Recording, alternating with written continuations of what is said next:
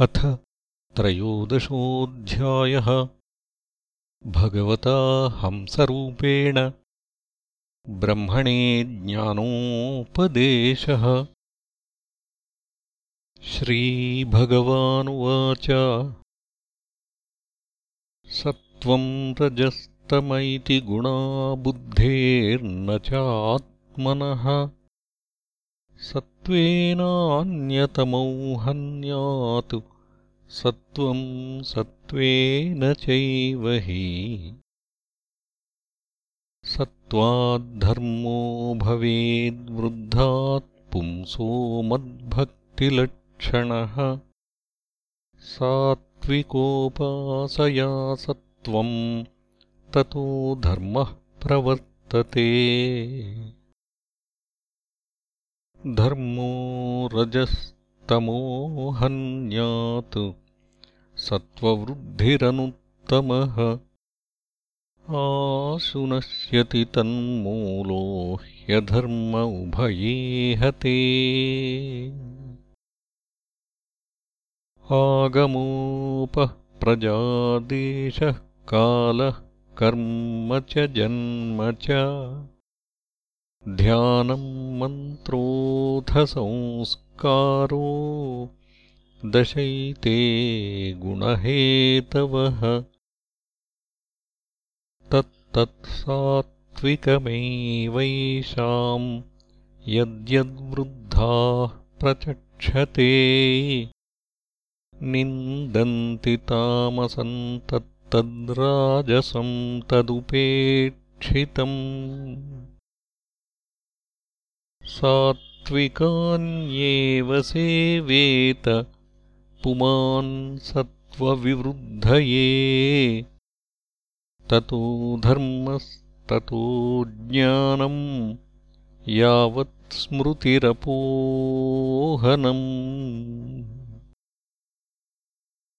वेणुसङ्घर्षजो वन्निर्दग्ध्वा शाम्यति तद्वनम् एवम् गुणव्यत्ययजो देहः शाम्यति तत्क्रियः उद्धव उवाच विदन्ति मर्त्याः प्रायेण पदमापदाम्। तथापि भुञ्जते कृष्ण तत् कथम् श्वखराजवत् श्रीभगवानुवाच।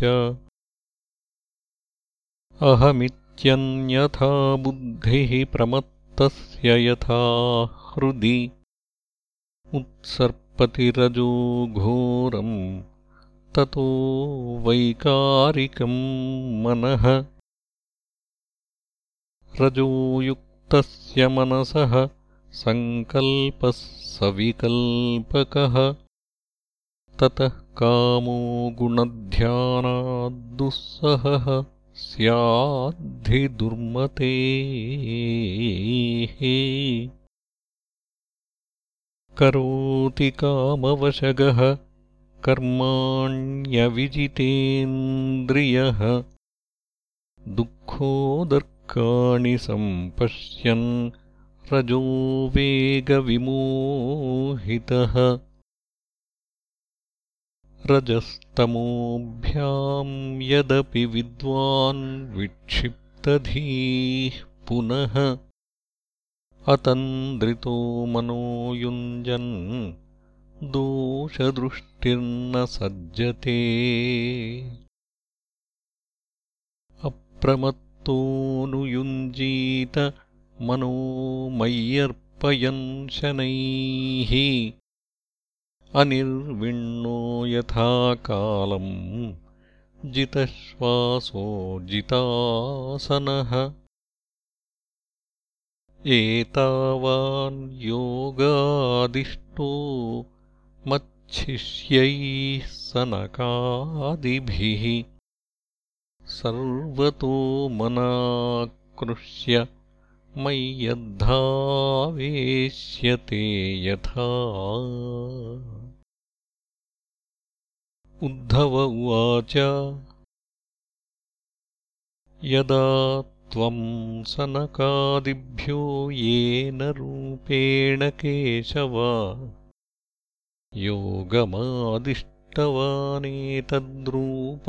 योगमादिष्टवानेतद्रूपमिच्छामि वेदितुम्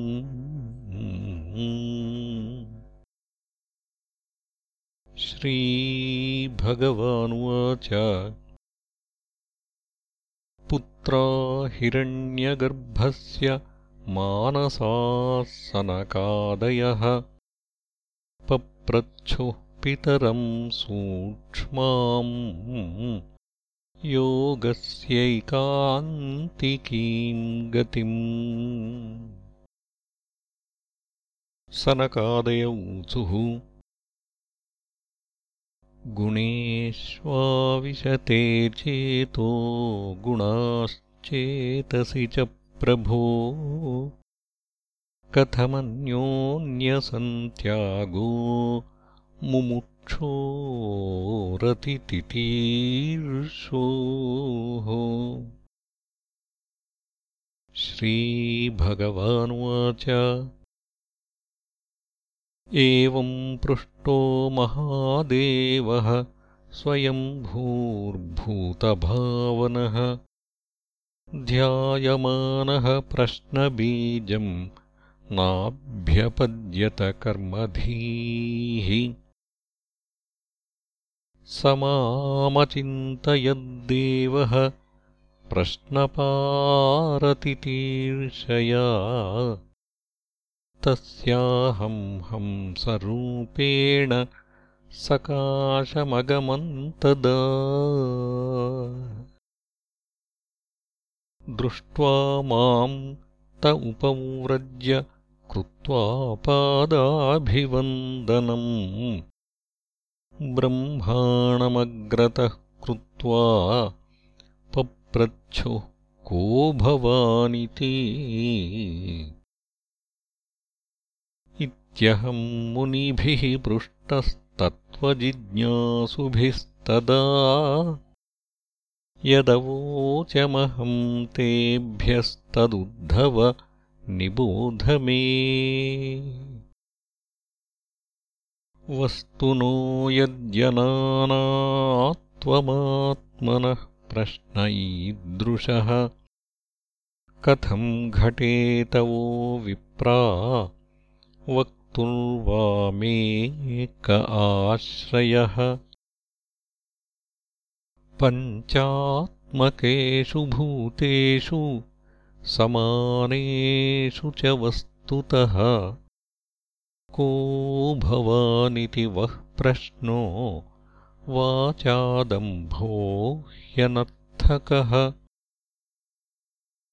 मनसा वचसा दृष्ट्या गृह्यतेऽन्यैरपीन्द्रियैः अहमेव न मत्तोऽन्यदिति बुद्ध्यध्वमञ्जसा गुणेष्वाविशते चेतो। गुणाश्चेतसि च प्रजाः। जीवस्य देह उभयम् गुणाश्चेतो मदात्मनः। गुणेषु चाविशच्चित्तमभीक्ष्णम् गुणसेवया गुणाश्च चित्तप्रभवा मद्रूप उभयम् त्यजेतु। जाग्रत्स्वप्नः सुषुप्तम् च गुणतो बुद्धिवृत्तयः। तासाम् विलक्षणो जीवः साक्षित्वेन विनिश्चितः यर्हि संसृतिबन्धोऽयमात्मनो गुणवृत्तिदः। मयि तुर्ये स्थितो जह्यात् त्यागस्तद्गुणचेतसाम्। अहङ्कारकृतम् बन्धमात्मनोऽर्थविपर्ययम् विद्वान्निर्विद्यसंसारचिन्ताम् तुर्ये स्थितस्त्यजेत्। यावन्नानार्थधीः पुंसो न निवर्तेतयुक्तिभिः जागर्त्यपि स्वपन्नज्ञः स्वप्ने जागरणम् यथा। असत्त्वादात्मनोऽन्येषाम् भावानाम् तत्कृताभिदा। गतयो हेतवश्चास्य मृषा स्वप्नदृशो यथा यो जागरे बहिरनुक्षणधर्मिणोऽर्थान् भुङ्क्ते समस्तकरणैर्हृदि तत्सदृक्षान्। स्वप्ने सुषुप् उपसंहरते स एकः। स्मृत्यन्वयात् त्रिगुणवृत्तिदृगिन्द्रियेशः एवम् विमृश्य गुणतो मनसस्त्र्यवस्था मन्मायया मयि कृता इति निश्चितार्थाः। सञ्छिद्य हार्दमनुमानसदुक्तितीक्ष्णज्ञानासिना भजतमाखिलसंशयाधिम्। ईक्षेतविभ्रममिदम् मनसो विलासम्। दृष्टम् विनष्टमतिलोलमलातचक्रम्। विज्ञानमेकमुरुधेव विभाति माया स्वप्नस्त्रिधा गुणविसर्गकृतो विकल्पः। दृष्टिम् ततः प्रतिनिवर्त्य निवृत्ततृष्णः। तूष्णीम् भवेन्निजसुखानुभवो निरीहः। सन्दृश्यते क्व च यदीदमवस्तु बुद्ध्या भ्रमाय न भवेत् स्मृतिरानिपातात्। देहम् च नश्वरमवस्थितमुत्थितम् वा सिद्धो न पश्यति यतोऽध्यगमत्स्वरूपम्। दैवादपेतमुत दैववशादुपेतम् वासो यथा परिकृतम् मदिरामदान्धः। देहोऽपि दैववशगः खलु कर्म यावत्। स्वारम्भकम् प्रतिसमीक्षत एव सासुः। तम् सप्रपञ्चमधिरूढसमाधियोगः स्वाप्नम् पुनर्न भजते प्रतिबुद्धवस्तुः। मयैतदुक्तम् वो प्रागुह्यम् यत् साङ्ख्ययोगयोः।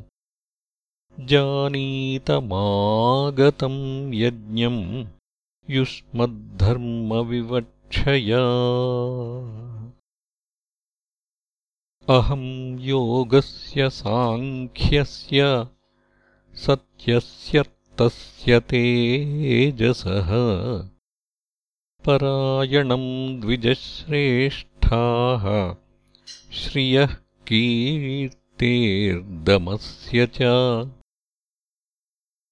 माम् भजन्ति गुणाः सर्वे निर्गुणम् निरपेक्षकम् सुहृदम् प्रियमात्मानम् साम्यासङ्गादयो गुणाः।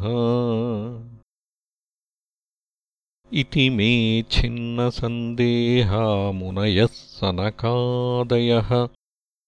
सभाजयित्वा परया भक्त्यागृणतसंस्तवैः तैरहम् पूजितः सम्यक् संस्तुतः परमर्षिभिः प्रत्येयाय स्वकम् धाम पश्यतः परमेष्ठिनः। इति श्रीमद्भागवते महापुराणे पारमहंस्याम् संहितायाम् एकादशस्कन्धे त्रयोदशोऽध्यायः